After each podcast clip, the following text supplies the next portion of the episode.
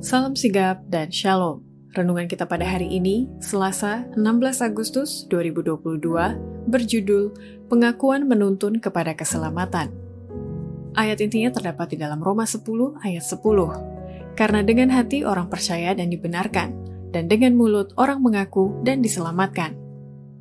Pena Inspirasi menuliskan yang dimaksud dengan judul renungan kita pagi ini, pengakuan menuntun kepada keselamatan, Dikarenakan saya mengakui engkau mengampuni, agar supaya kita dengan penuh keberanian datang menghampiri tata kasih karunia Allah untuk dapat mengalami kasih Allah yang tiada bandingnya itu adalah sebagai berikut.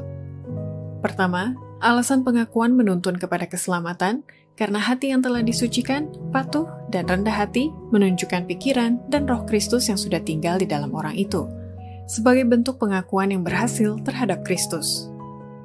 Tidak seorang pun dapat mengakui Kristus dengan sesungguhnya di mata dunia, kecuali pikiran dan roh Kristus tinggal dalam dia.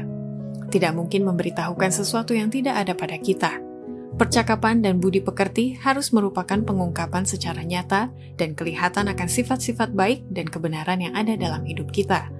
Kalau hati disucikan, patuh, dan rendah, maka buah-buahnya akan kelihatan secara lahir dan akan menjadi suatu pengakuan yang berhasil terhadap Kristus. Kedua, alasan pengakuan menuntun kepada keselamatan karena pengakuan itu sama dengan meniru teladan yang rendah hati itu. Kalau ada orang ingin bersaksi untuk kebenaran oleh pengaruh mereka, biarlah mereka hidup sesuai dengan pengakuan iman mereka, dan dengan demikian meniru teladan yang rendah hati itu. Ketiga, alasan pengakuan menuntun kepada keselamatan, karena itu tanda pengakuan dosa, dan sesudah itu barulah Roh Kudus akan turun ke atas orang percaya yang mengaku dosa itu. Oleh doa dan pengakuan dosa, kita harus membersihkan jalan raya raja itu. Apabila kita berbuat demikian, maka kuasa roh akan turun ke atas kita. Kita memerlukan semangat hari Pentakosta. Ini akan datang karena Tuhan sudah menjanjikan mengirimkan rohnya sebagai suatu kuasa yang menang Keempat, alasan pengakuan menuntun kepada keselamatan karena saat pengakuan dilakukan, pekerjaan Yesus sebagai perantara masih belum berakhir untuk menimbang neraca kehidupan kita yang memohon pengampunan. Engkau akan ditimbang pada neraca dan akan didapati dalam keadaan ringan. Anugerah sejahtera dan ampunan akan ditarik untuk selama-lamanya. Yesus akan melewati engkau, tiada akan pernah datang lagi begitu dekat sehingga dapat dijangkau oleh doa dan permohonanmu.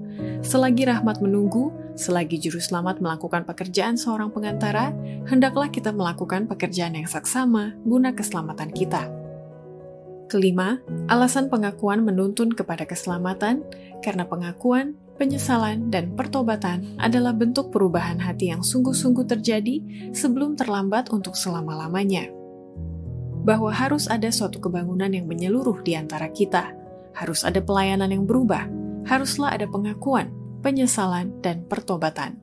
Banyak orang yang sedang mengkhotbahkan firman itu memerlukan rahmat Kristus yang mengubahkan di hati mereka. Mereka tidak boleh membiarkan apa pun merintangi pekerjaan mereka yang sungguh-sungguh itu sebelum terlambat untuk selama-lamanya.